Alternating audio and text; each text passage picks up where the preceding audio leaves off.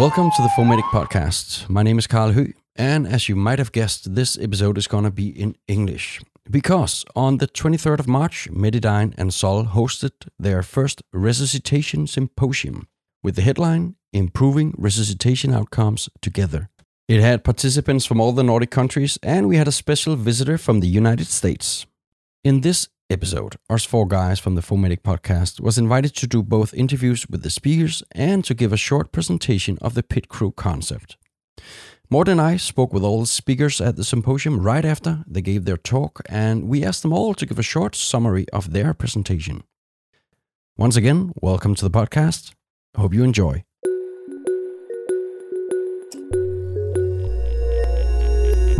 One of the three talks of the day regarding debriefing was held by an old friend of the Fomedic podcast, Rasmus Lyngby. His talk was called Hot Debriefing and Performance Data, a Novel Approach. Welcome to the podcast, Rasmus, or should I say, welcome back to the podcast here at the Medidyne Symposium.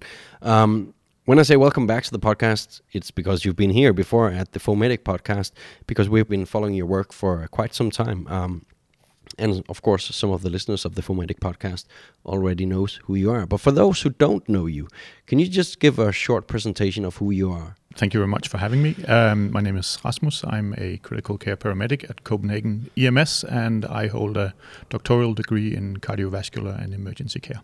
Tell us about the talk that you just held. Uh, what was it called? What what, what was well, it I, about? I uh, I just gave a brief presentation on hot debriefings, which are debriefings that are conducted uh, immediately after a out of hospital cardiac arrest. You were talking about uh, different types of debriefing at the beginning, but but you were uh, specific on the, the hot uh, debriefing.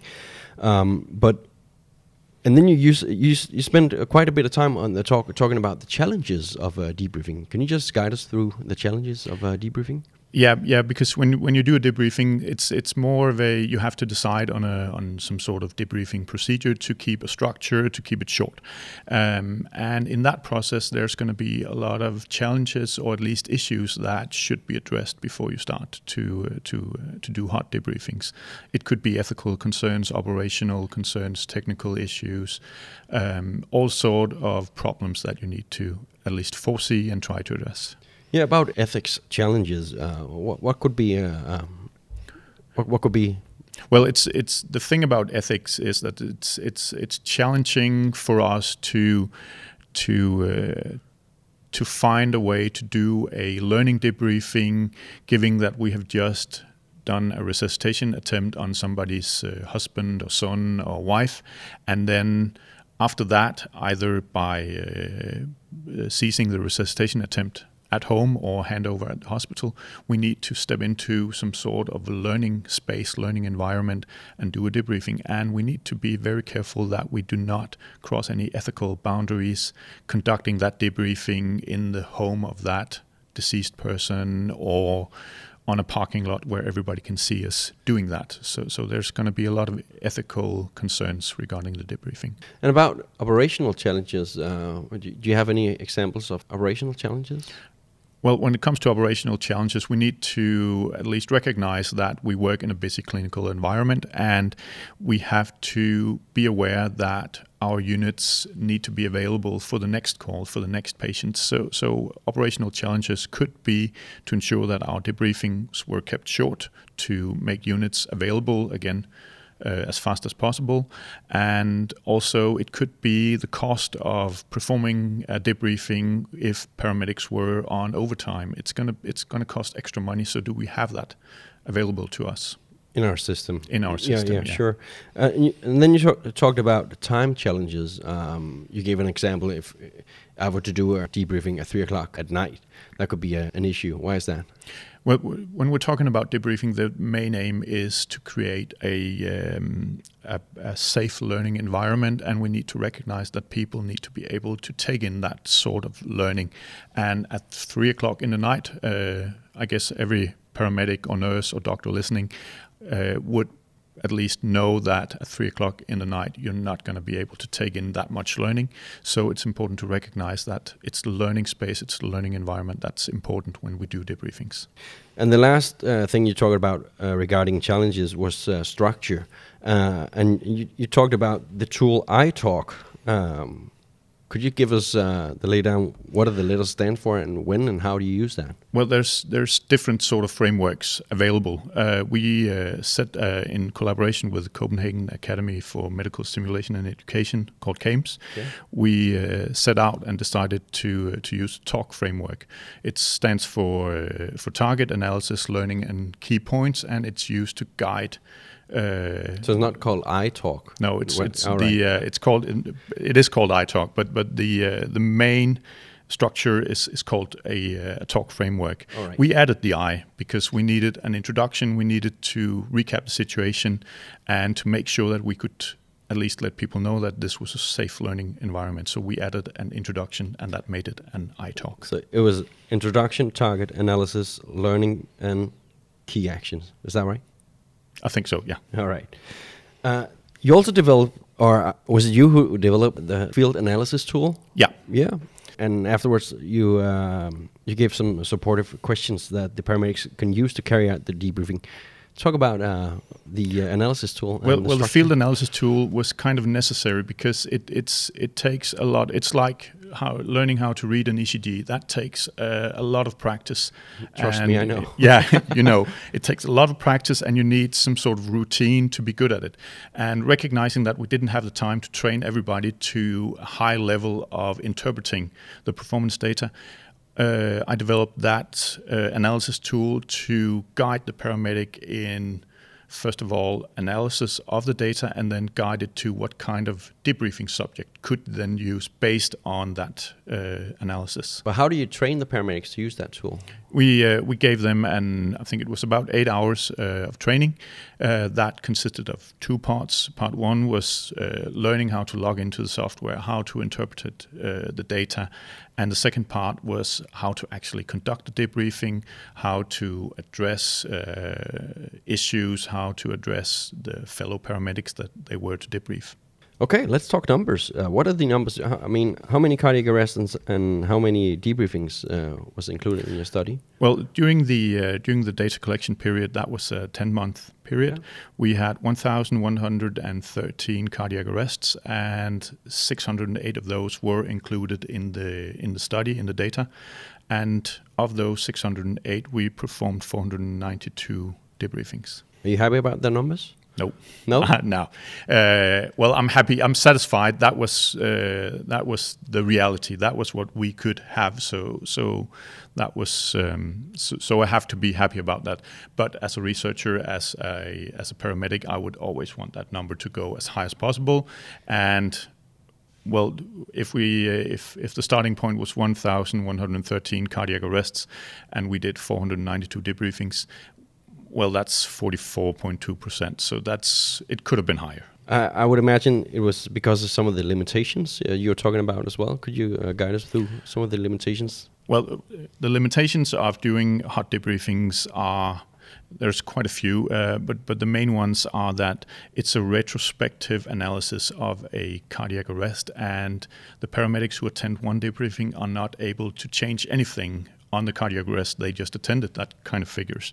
Yeah. Uh, they have to wait until the next cardiac arrest, and we know that paramedics only attend one, two, maybe three cardiac arrests each year. So the time from the learning until they have to or are able to incorporate that in the next cardiac arrest, that kind of differs, and that's a huge limitation. So the outcome of the study? Well, the, it's it, it would be great to uh, to present the next big step to survival, but I'm not I'm not. It's it's a small step because we found for chest compression depth and weight rate we, we didn't see a significant improvement. It was around two percent uh, for for each of those and for chest compression fraction as well, and it wasn't significant. However, when we combine chest compression depth and rate in one compression, we did see a significant change in the performance. It was around three percent. Do you have any final words that you you want to share with us?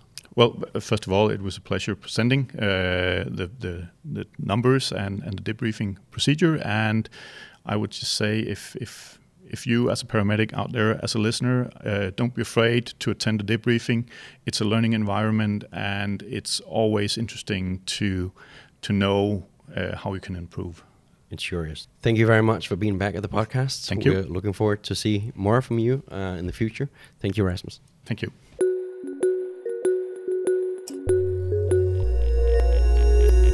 Most of the speakers of the day came from Scandinavia, but we were lucky enough to be in the presence of an expert in debriefings and how to implement data in the debriefings. Betsy Hunt is a pediatric critical care physician at Johns Hopkins Hospital in Baltimore. Her talk was called Data Driven Performance Focused Debriefings, and Morten caught her right after she finished her presentation. Enjoy. Betsy has just given a speech with the name Performance Focused Debriefing. And we're going to have a, a little bit of a chat about some of the notes that I made mm-hmm. uh, and some of the, the notes that you, of course, brought to, to the essence of your talk. Uh, but firstly, I think it would be interesting to ask the big why. Why do we need to, to do stuff that is within like data driven performance and also data driven focused debriefings. What is the big why, Betsy? Yeah, great question. I think the biggest why is we're all here trying to save lives. And what we know is that uh, we can save lives and have patients come out neurologically intact and just live uh, not maybe a good life and maybe an amazing life. So remember why we do this. And then the second why is this idea of data can help us know how we're performing and help us figure out where we can get better and save more lives. That's what it's all about. Let's go back to your talk. It was about using data mm-hmm. for better debriefings. Um, what's that about? What would data support in the debriefings afterwards? Yeah, great question. So, we have a lot of technology now that allows us to, for instance, measure the quality of compressions. We can see what the depth of compressions are, the rate of compressions. We can see how long we pause. We didn't used to have anything that granular. We can see exactly when we defibrillated and how long did we pause before the defibrillation, how long afterwards. We can also see if we're shocking a non shockable rhythm. And so this data is extraordinary, and, and we want to use data for good.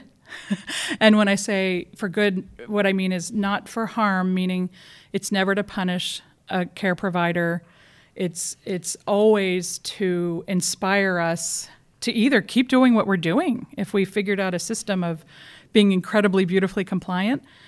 But it's hard. So usually we look at report cards and we find where we could be doing better.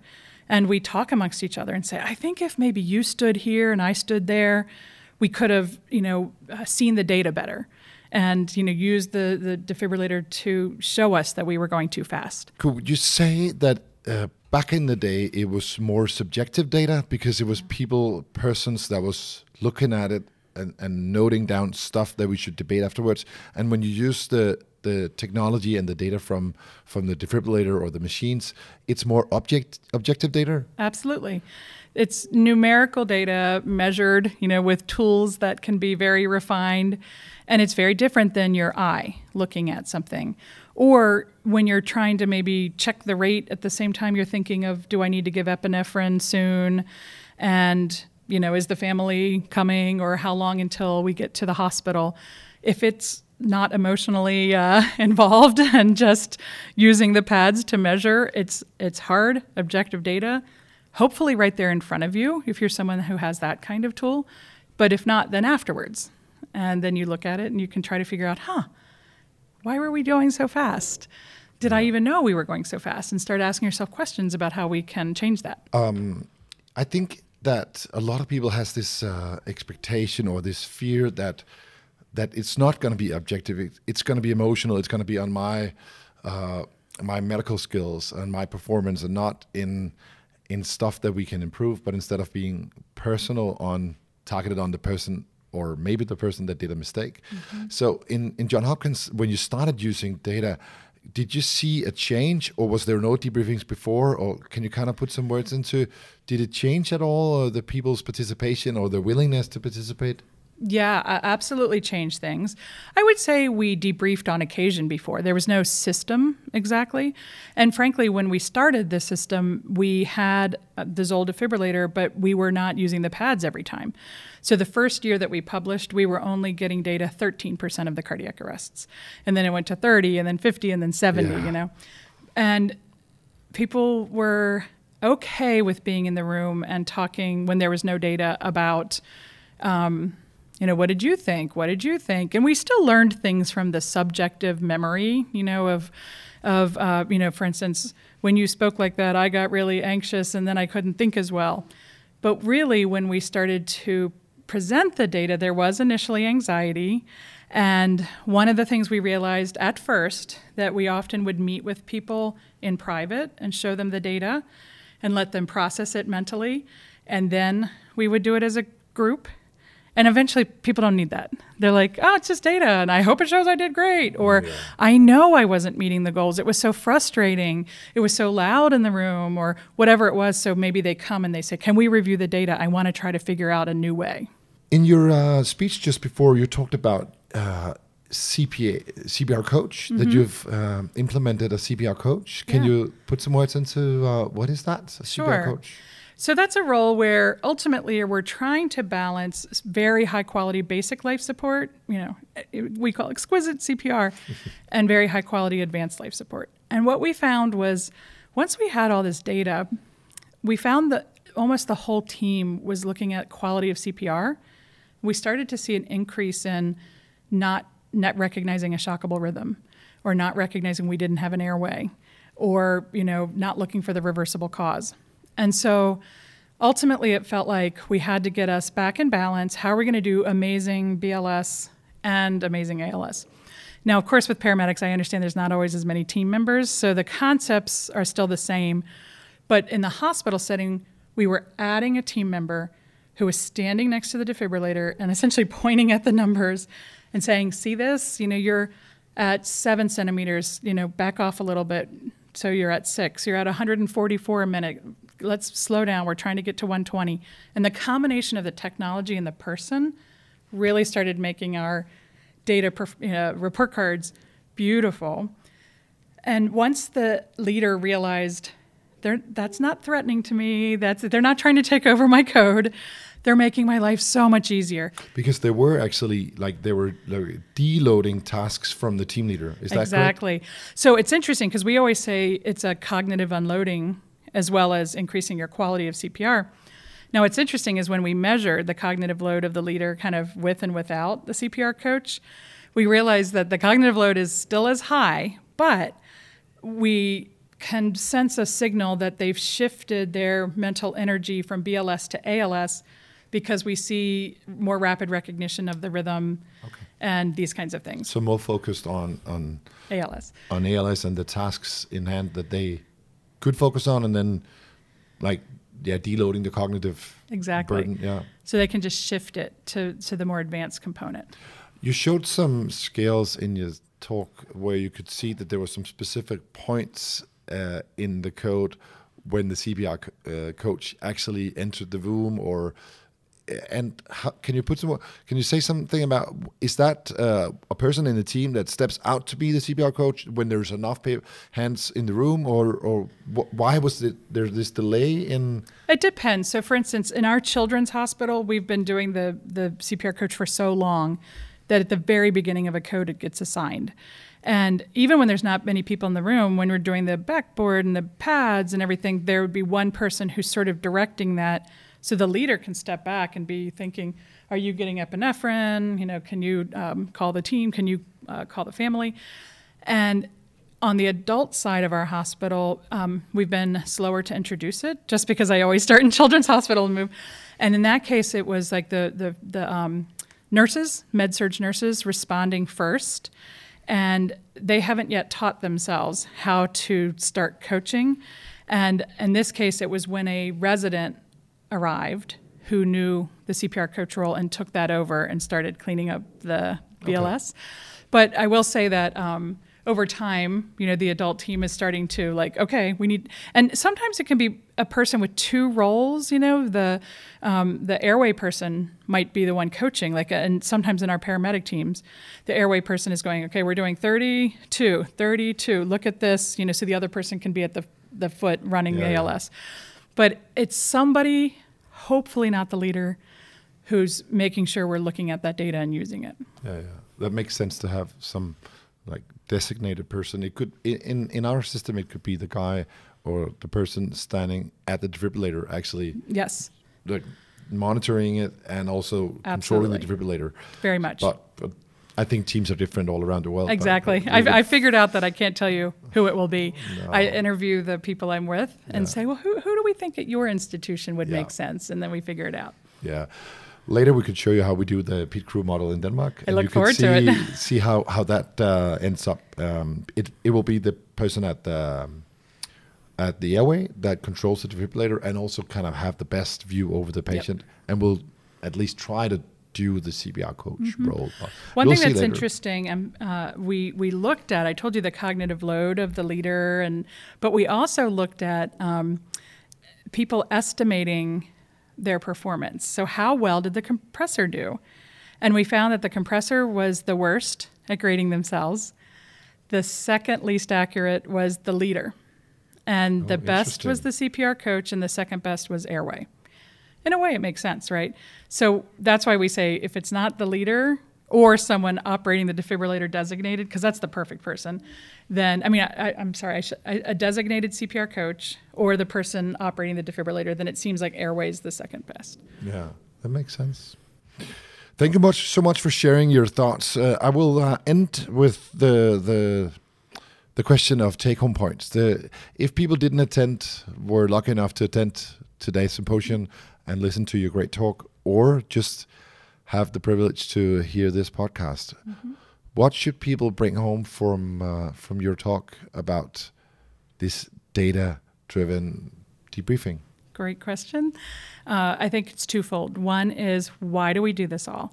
And remembering that people can survive and can have a, a great second life. And so motivated to pretend like this is your loved one. And then the second is to really try to be willing to be vulnerable and look at this data and realize it's nothing about judging you as a person. Instead, it's realizing this is hard. And we use data to get the whole team, and the whole system to be amazing so we can save as many lives as possible. Wonderful. Thank you so much for coming to our little podcast stand here. Thank you. This was an honor. It was my pleasure.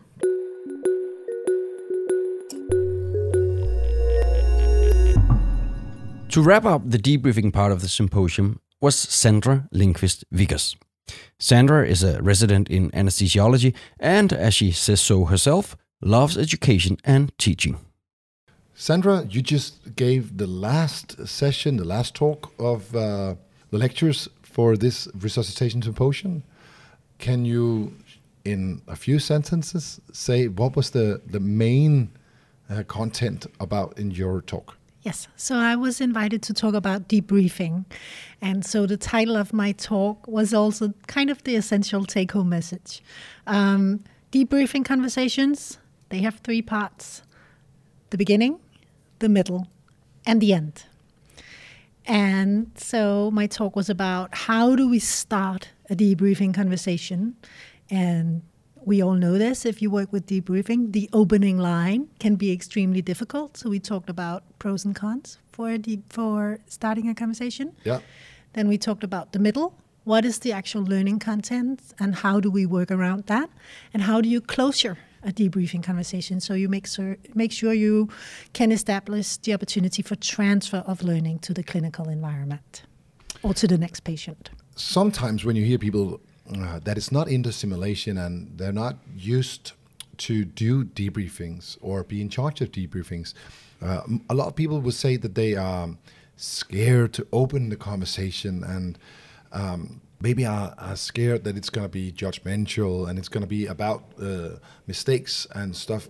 Do you think having a beginning, middle, and an end is a, is a tool that can facilitate the debate in a better way than uh, than what people are used to when they start?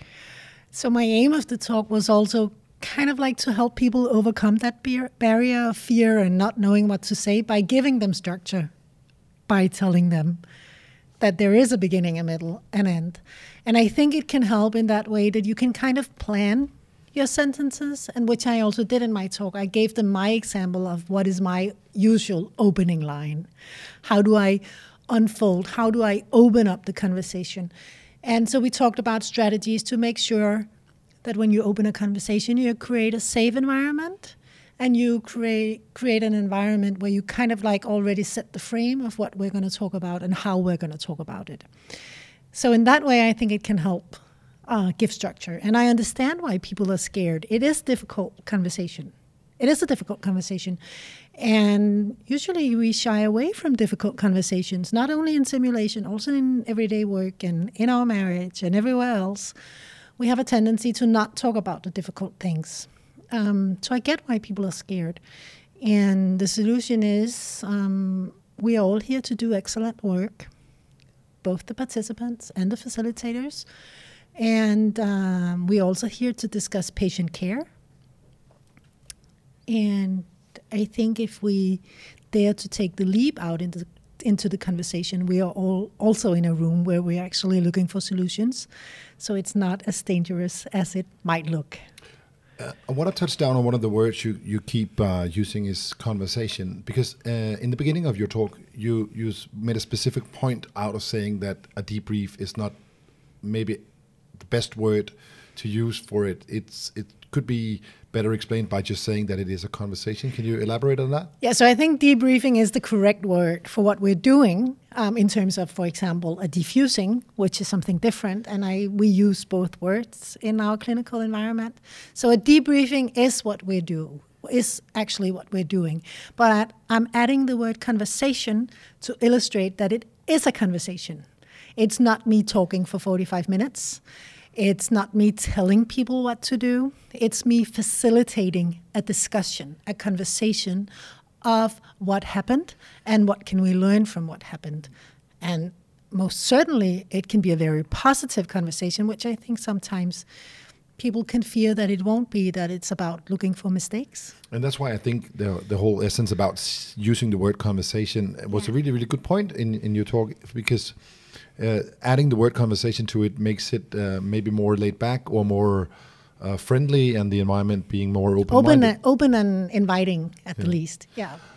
There was one other thing uh, in the beginning uh, of of your talk, or at least in the start, uh, first half of it. You talked about the emotional part. That mm. when you start out with it, it could be emotional, both for the debriefer or the participants, but you, had this list of being a pro con or plus minus thing. Mm. Can, can you also elaborate a little bit about that? So it came up when we talked about opening lines, and one of the opening lines that people sometimes use is, "So how did it feel, or how did it make make you feel?" Um, and there's nothing. I there's no one perfect opening line. And so I talked about plus and minuses for the different opening lines. And when we talked about feelings, I said that um, the positive side to use feelings in your introduction uh, and a part as, as your opening line could be that you, well, at least you establish to the team that you're willing to talk about emotions. And if emotions are present, the one with emotions will feel like, ah, finally I'm in, I'm in a room where we can address the feelings. Um, secondly, feelings can be very appropriate. If we have had an event or a scenario where we have um, made live and death decisions, high stake decision making, um, intense events has gone by, it's very appropriate to ask, How are you feeling? Because people might be in shock or in tears or in fear or any other emotion that we kind of need to address if they have to learn or want to learn, or just so it becomes a bit of an element of a defusing. Lastly, if you open for emotion, make sure you have time to discuss them. Also, be mindful that if you ask for emotions, you might also trigger emotions. So if someone might in the group say, This is very emotional for me because I've been in a situation like that, either as a patient or as a relative, or as a professional and things went wrong or things didn't have the outcome I was hoping for, and I am affected by that. Um, and I think also that's why people shy away of the emotional part. Yeah. Um, because it's difficult. Yes. They think it's difficult. And of course, it requires training, but it can be difficult to have that conversation. And then, as a final point, you also have to remember that um, not everybody is there to discuss emotions or feelings. Next up is the middle. Mm. What was that about? So the middle is so you have a nice opening line and then you transition into what are we going to learn, what are we going to talk about. And that can be just as difficult to kind of like get in there, especially if you've done the summarizing of a of a scenario, then you still haven't opened up for the real learning.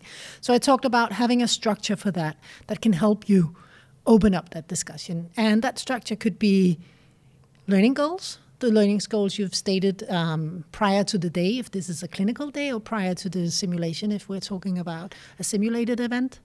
Um, so you just start by saying, so we had these learning goals. Let us, let us address the first one. Um, it was communication. Um, can you give me examples of where communication was at play in this scenario?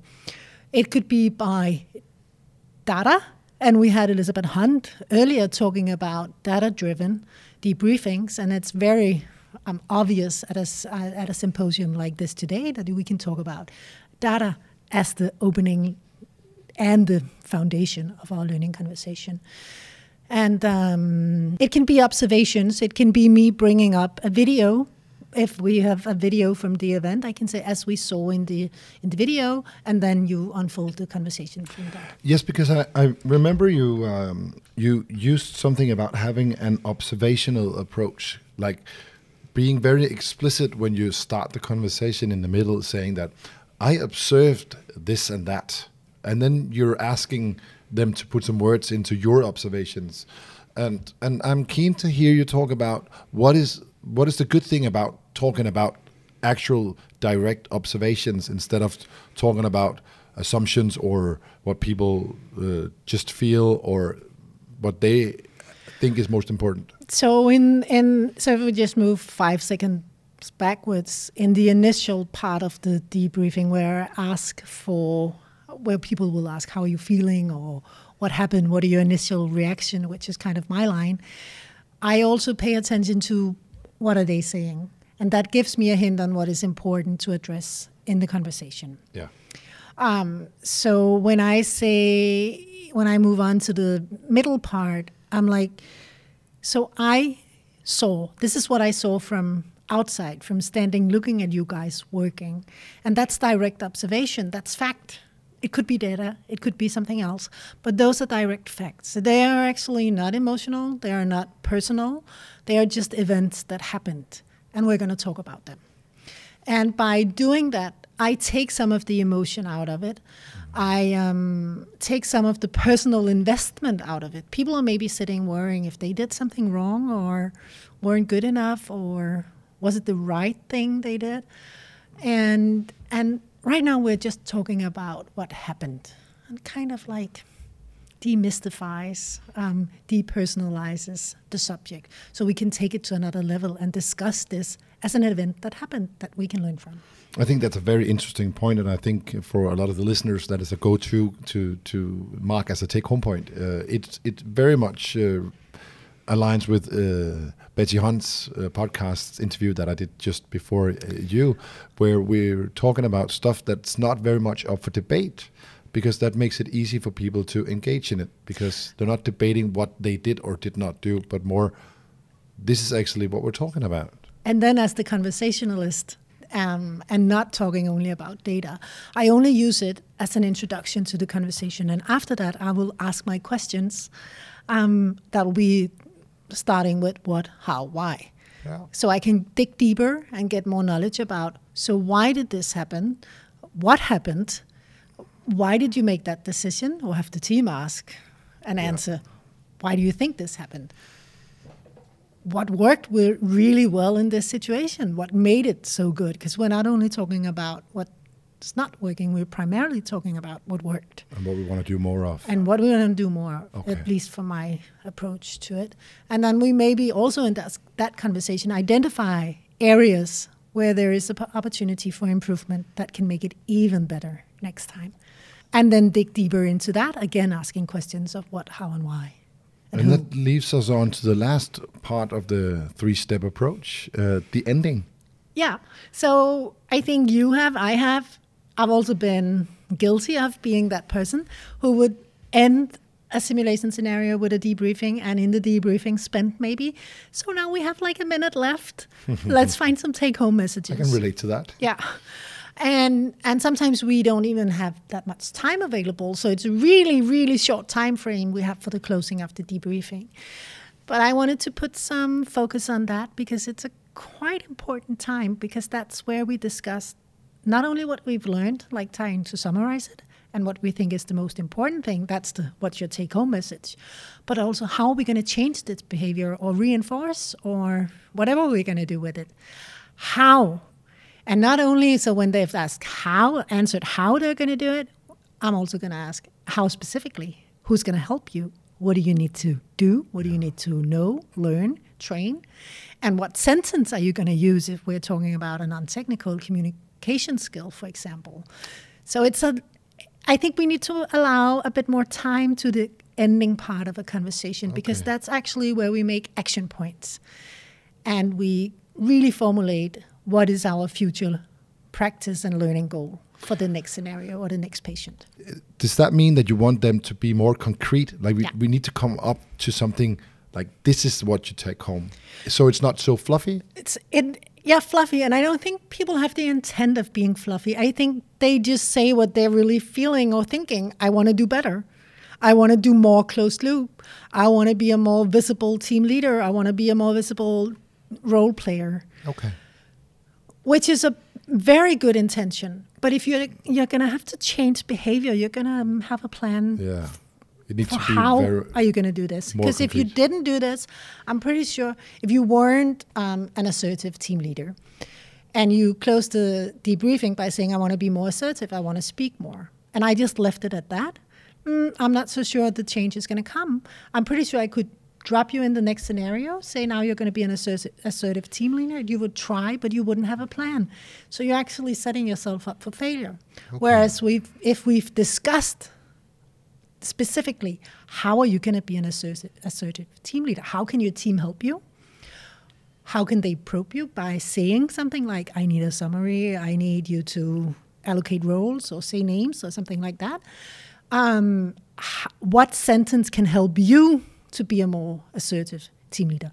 Maybe say out loud, I am now in the room, I am the leader. I will mm-hmm. start by summarizing okay. and then allocate roles and tasks and talk about next steps. So help them to get that sentence that they can actually use at the next patient.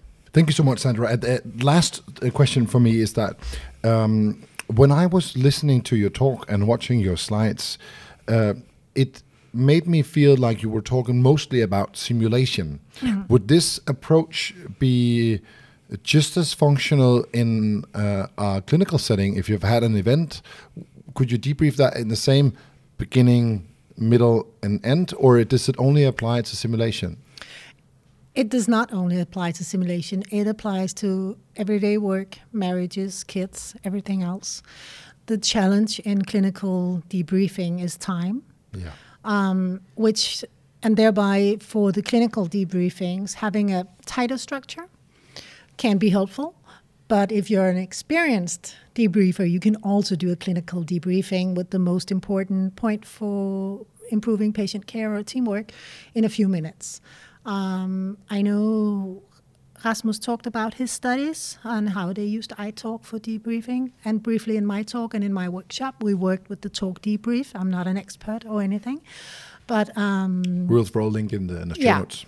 Yeah, because I think that can help to give that structure, structure when there's a really tight time frame. Time frame, yeah. Sandra, thank you so much for delivering your talk and facilitating the scenarios and the debriefing uh, workshops, and lastly, for participating in the podcast. Thank you.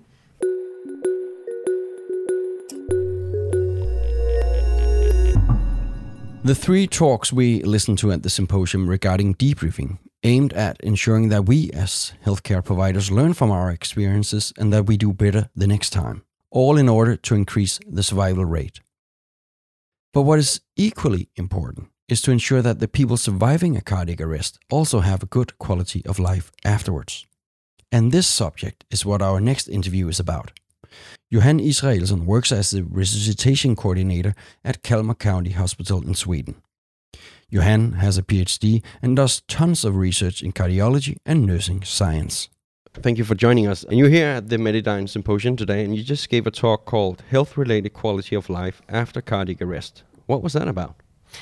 Um, I try to describe uh, some general aspects on quality of life uh, among survivors and also a bit among their relatives.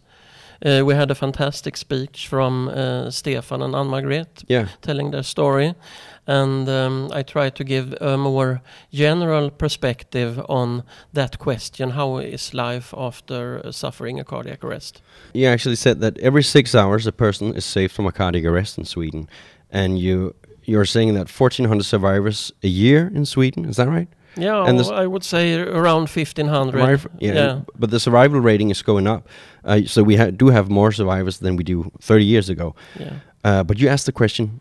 But look at the quality of life. Why do you ask that question?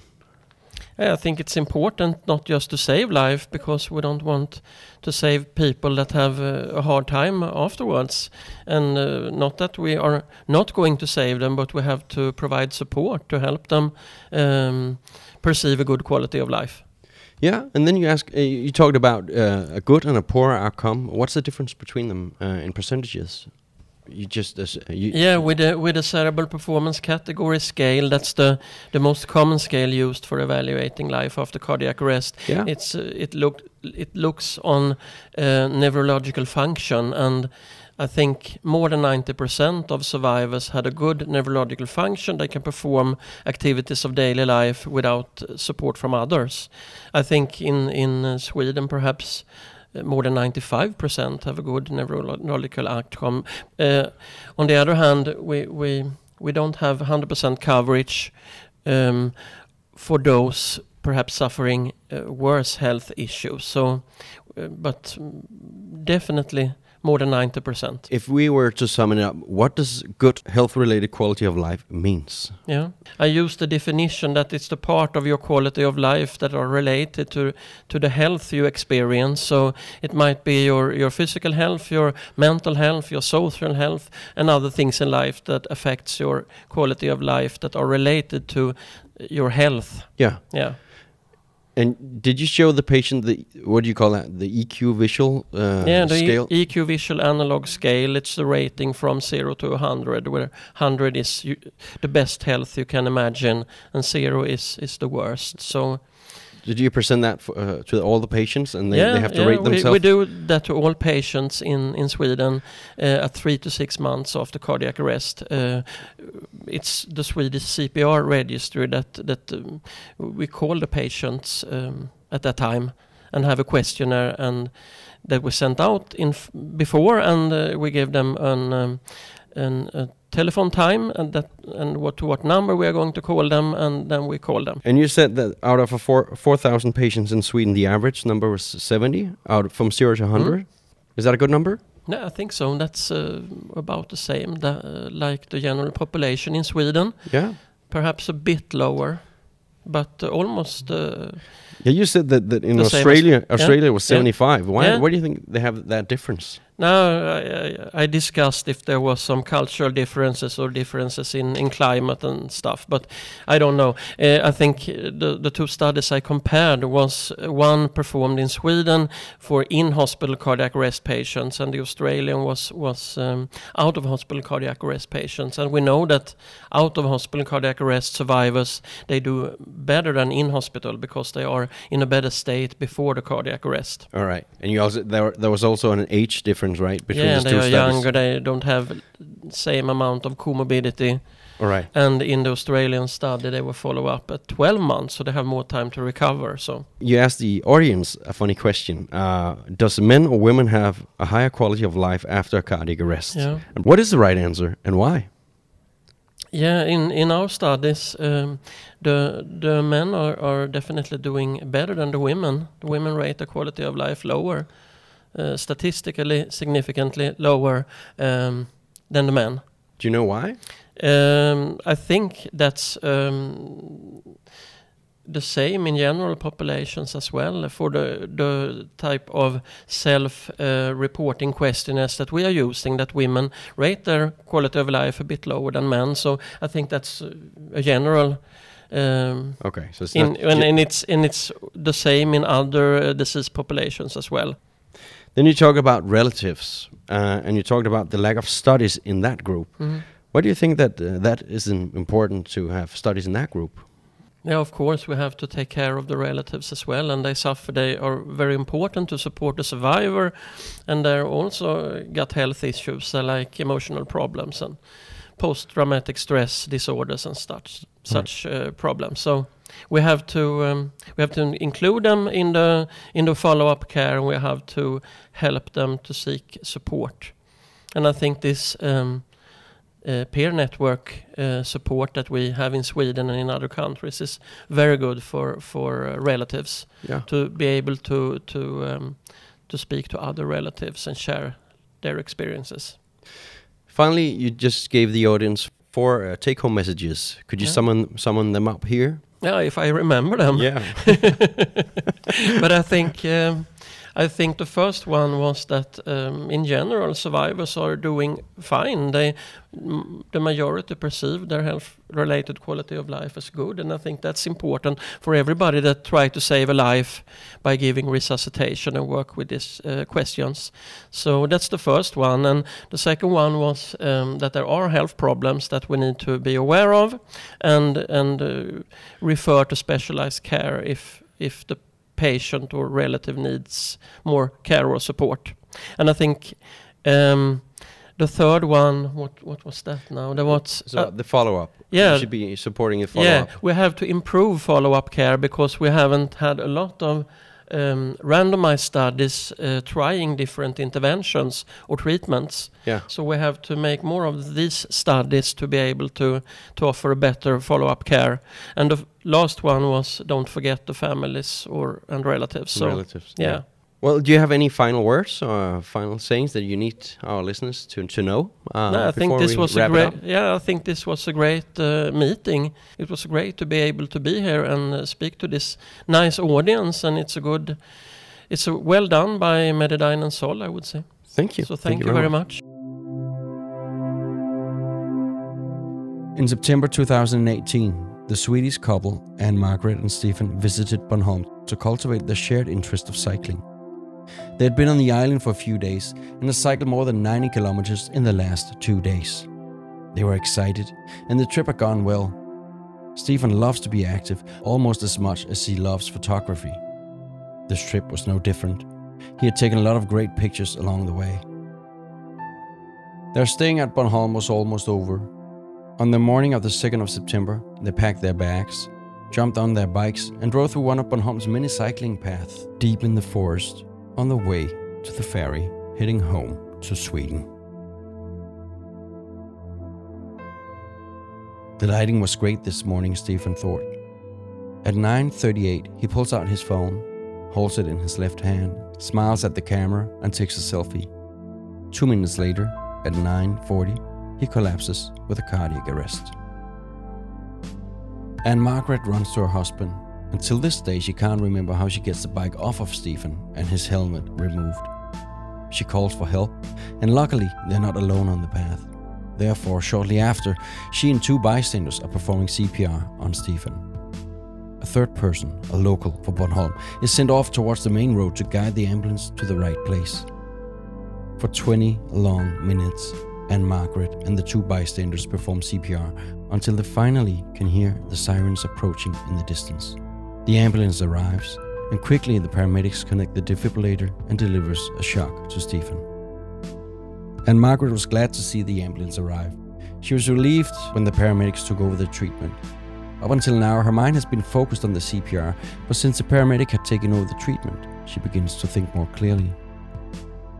One of the things that go through her head is that Stephen, as the keen photographer he is, does not have the opportunity to film and document what's happening. He would have loved that, she thought. So she decides that she has to do it for him. She picks up the camera and is able to photograph and document the entire scene. Stephen is taken to the hospital in Rønne and then flown by helicopter to Rigshospitalet in Copenhagen. Since Stephen's cardiac arrest on Bornholm, he and Ann-Margret have dedicated their time raising awareness of the need for more people to learn CPR and for more accessible defibrillators in public places. They have also created a network of survivors of cardiac arrests who embrace both the patients and the relatives. You can hear more about that right now, where Morten had a chat with them right after they gave their presentation and told their story to the audience at the symposium. I'm keen and interested in, in hearing about some of this stuff you're trying to do in Sweden to improve the numbers. So can you can you express um, some things about what you do in Sweden or what you try and hope for in Sweden to to do uh, better numbers there? Not that the, the Danish numbers is perfect, but there is probably some some logistics and some some simple reasons why the number is 10% in Sweden and 16 here. One of the things uh, is that we always talk about it. Not always, but often talk about it. And always when a new person come to us, Stefan started his mission. And we have also uh, AED at home, Yeah. uh, 24-7. So it's placed outside your Yeah, house. yeah, yeah.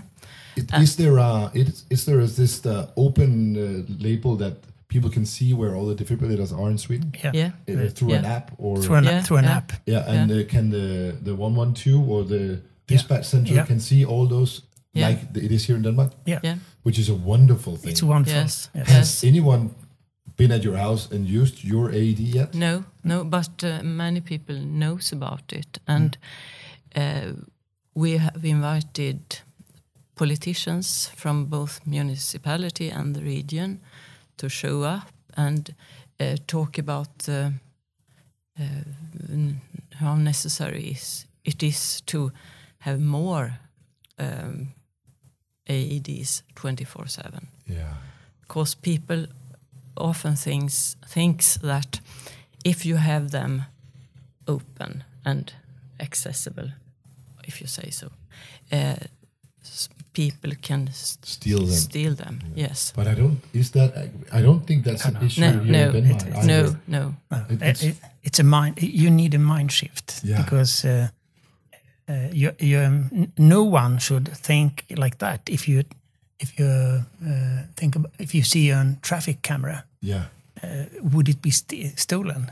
Uh, the, f- the first uh, you should s- it, it is it is to make it available Yeah. twenty four seven. I think there's a, a lot of community support uh, when you put up an AD and you have this cabinet and there's lights and the and the is it a green sign in Sweden as well saying Yeah, yeah, AED? yeah. Yeah. Yeah. Uh, I think a lot of people in the community has this. If they see one of the cabinets and it's empty, Yeah. they will call and ask, "Has anything happened? Uh, Mm-hmm. Has it been used? Where is it?" Because as we as professionals, Yeah. we can't put it back. It has to go out and be emptied for information to the Yeah. register, and has to be restocked with new pads and new battery, Yeah. and then put back. Yeah. So there will be a couple of days, maybe a week, where the cabinet will be empty, Okay. or a replacement will be delivered. At least here in Denmark. Yeah. So there is uh, a lot of things with these cabinets, and I thi- think that people are they have welcomed the, the placement of these ADs, and I, I've never seen anyone do any damage to it or vandalism or whatever. I think we have uh, we have a lot uh, to learn of Denmark because uh, uh, lots of work is is done in Sweden too, of course, but you have to do it together. So last year we we met our local politicians, our region politicians, but we were also invited to the Swedish Parliament for a seminar about cardiac arrest. Uh, so we we reached out to all levels, political levels, and I think they are interested. But uh, we there there is a need of uh, decisions from the politicians, so they have to put up a goal Yeah, from ten percent to at least twenty percent by 2030. yeah, yeah. Yeah. They need to put some some ambitious goals so they Yeah. have Yeah. something to strive for. Yeah. and also uh, it, uh, it's up today in Sweden. It's up to anyone if and where you have an AD. We need a strategy for that. So we try to work for that. It should be as uh, uh, as important to learn CPR as to be able to swim. Yeah. Do you have, a, i- they did in Denmark, I think it's about 10, 15 years ago, where it became uh, mandatory when you take your license to Yeah. drive. Yes, Yeah, it's very yeah. good. And Not in yes. Sweden, no. Because I'm, I'm, I actually don't know the numbers if it's 50%, but a lot of people will take a, Yeah. a driver's license Yeah. and, and they will come through a CPR course and some traffic related information. But, Mm, but that's kind of a way to do it. And we will also- bring that back to Sweden now. Yeah, that's Yeah. a good idea. yeah. So, uh, do you do all the work just as a couple, or have you started a trust or a foundation, or is it just you campaigning as a couple? I can say we cooperate with people uh, and we have learned to know uh, different organizations who work in the same area. Okay. Yes. Uh, for example, the, as we say, SMS lifesavers. Yeah. Um, they are here represented today.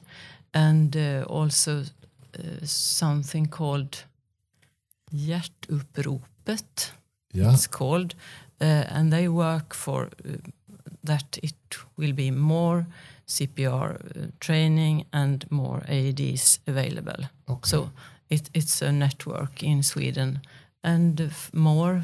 We, we also have we are together with our other survivors and and uh, our uh, relatives. relatives we have started up started a, a Swedish network for survivors and How amazing. our relatives. So today we are now 340 persons in this network, and uh, uh, information is spread about this network when you come to the hospital in Sweden.